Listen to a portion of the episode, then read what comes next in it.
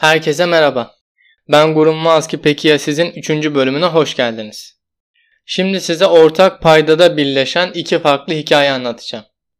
Birinci hikaye. Ait olmadığı yerlerde kendilerini var etmeye çalışan insanları konuşmasından tahmin etmeye çalışmak gibi bir huyu vardı. Kendisiyle konuşan insanların hangi konuyu açtığını inceler ve konuyla alakalı olmayan sorular sorarak insanların oraya ait olmadığını gösterebileceğini düşünürdü. Doğru kalıpları içerisinde konuşan insanlardan haz etmezdi ve bunun tam tersinin olacağını kesin bir dille savunurdu. Kendisine sorulsa bu ego değil, farkındalık yaratmaydı. Doğruları olan insanlara olan cephesi kendi doğru kalıplarını oluşturmuştu. Doğrusunu savunamayan insanların sinirlenişlerini keyifle izler ve keyfi insanları daha da sinirlendirirdi. Kendisini bu şekilde var etmeyi misyon haline getirmişti.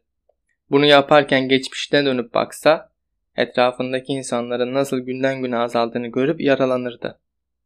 Ama o, bu durumla egosunu o kadar tatmin etmeye odaklanmıştı ki, kendisi için bu durum kaos değil, olması gerekendi. Bunu o kadar profesyonel bir iticilikle ve kendinden emin yapıyordu ki, kendisine karşıt görüş bildiren insanlara hem sinirlenmez hem de o insanları geçiştirirdi.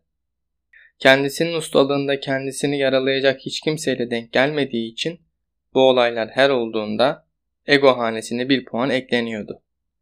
Ego bataklığında yüzmenin verdiği hazla her tartışmaya giriyor ve galip gelmiş edasıyla tartışmaların sonunda gülümsüyordu.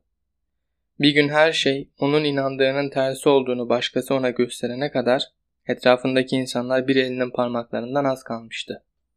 Kafede oturduğu bir günde içeriye giren ve mekanın sahibi de dahil herkesin tanıdığı, her şeyden keyif alıyor gibi görünen bir insanla karşılaştı. Avına yaklaşmak için fırsat kolluyordu.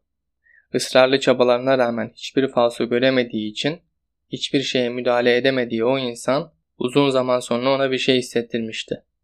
Genelde insanlarla olan tartışmalarını bir kazanan ve kaybeden oyunu olarak gördüğünden genelde kazandığını düşünüp bundan sonsuz haz duyar ve gerisini düşünmezdi.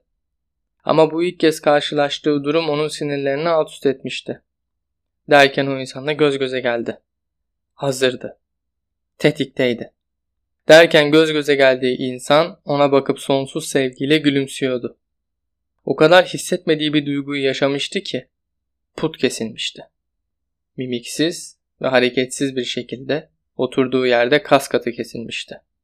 Yaşadığı bu daha önce tatmadığı duygu farkındalığını diğer insanların görmesini istememiş ve kafenin dışındaki bölüme çıkmıştı. Gözleri doldu. Kendisini anlayamamanın verdiği korku ve huzursuzluğu ilk defa tadıyordu. Egosundaki bataklık sanki kurumuş ve çırılçıplak kalmıştı. İyisinizdir umarım, dedi arkasından bir ses. Gardını indirmiş bir şekilde döndü. Uzun zamandır bu temenni şeklindeki soruyu duymamıştı. Bir insan nasıl herkese karşılıksız sevgi verebilir diye sorgulamaya devam edip anlam veremediği bir hazımsızlıkla ''İyiyim, teşekkür ederim'' cevabını verebildi. Normalde bu soruya çok keskin muhalefet olabilirdi. Ama bu anlamlandıramadığı duyguyu ona yaşatan insana alışık olmadığı o cevabı vermek zorundaydı. Çünkü öyle olmalıydı. Yaşam enerjisi sonsuzluğa ulaşmış bu insana karşı çıkıp kaos çıkaramayacak ve kaostan galip gelemeyeceğini sonsuz inandığı için sonrasında yaşamadığı başka bir duyguyu daha yaşamamak adına muhalif kişiliğini geri plana çekmişti. İyi olmanızı dilerim ama sorun var gibi hissediyorum. Oturun isterseniz, dedi çok anlamlı olan yabancının sesi.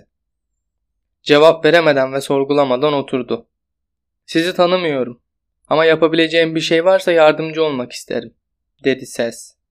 Ne yapabilirsiniz mesela? Dedi sıfır egosu kalmış kişiliğinden arta kalanlarla.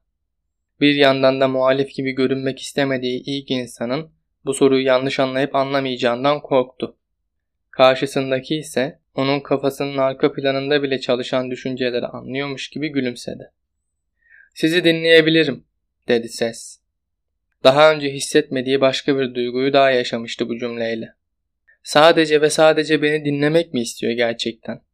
Diye anlamlandıramadığı duygunun sorusunu kendisine sordu.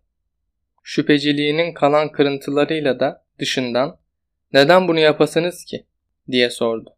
Karşısındaki ise tekrar gülümseyerek konu sizsiniz. Kendinize daha önce düşünün. Beni ikinci sırada dedi bilgelikle. Egosunun kalkan olduğu zamanları aklına getirerek aslında kendisi için bir şey yapmadığını ve kendisini var etme çabasının altında nasıl ezildiğini düşündü. Geçirdiği son yarım saat kendisini tanımaya ve ilk kez sorgulamaya başlamasının miladıydı.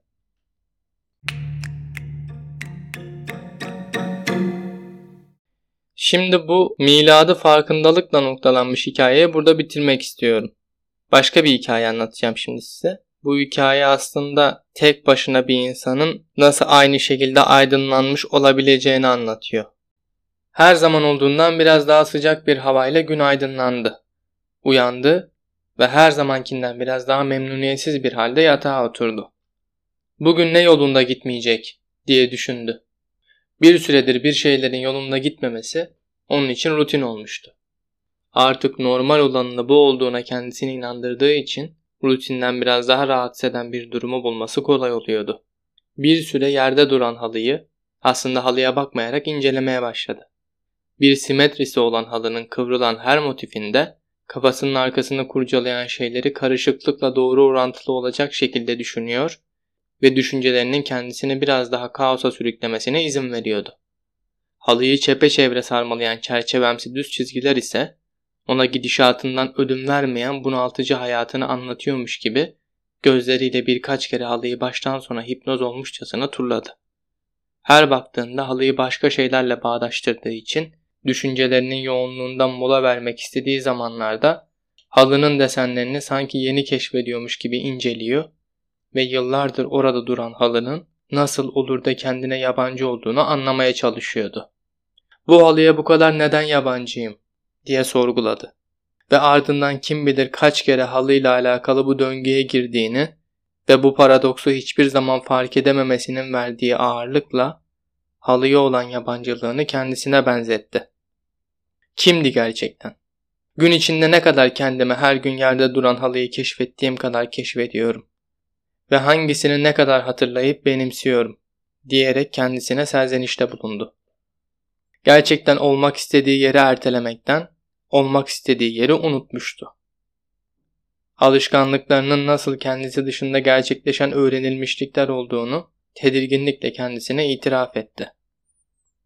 Kendini kendisinin incelediği ve görmediği halı kadar belirsiz, görünmez ve yalnız hissetti. Akıp giden hayatının insan eliyle motifleştirilmiş cansız bir nesneyle olan benzerliğini keşfetmekten büyük rahatsızlık duyuyordu. Kafasını yavaş yavaş yukarı kaldırıp gözünün baktığı şey artık halı olmadığında koltuk da ona aynı şeyleri hissettirecekti.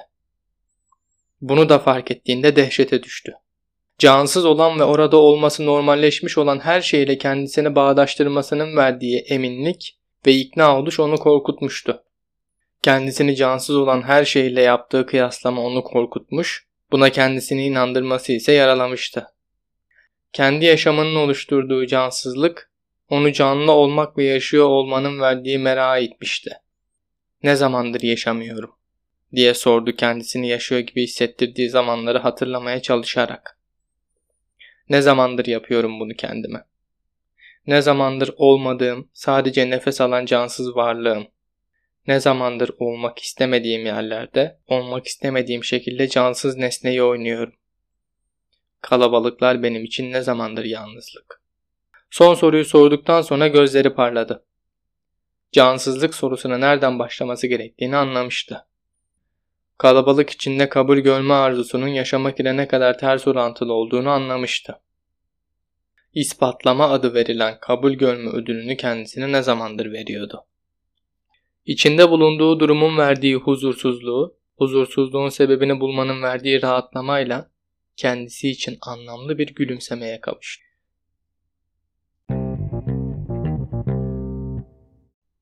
Bu sonlarını devam ettirmediğim hikayenin aslında özleri aynı. Yani insan aynı şekilde aslında yabancılık hissediyor, yalnızlık hissediyor. Yani bir tanesinde yalnızlık tek başınayken diğer tarafta ego duvarının arkasındaki yalnızlık. İkisi de insanı kendisine bile yabancılaştırıyor aslında. Bugünkü konumuz bu hikayelerle birlikte kendine yabancılaşma.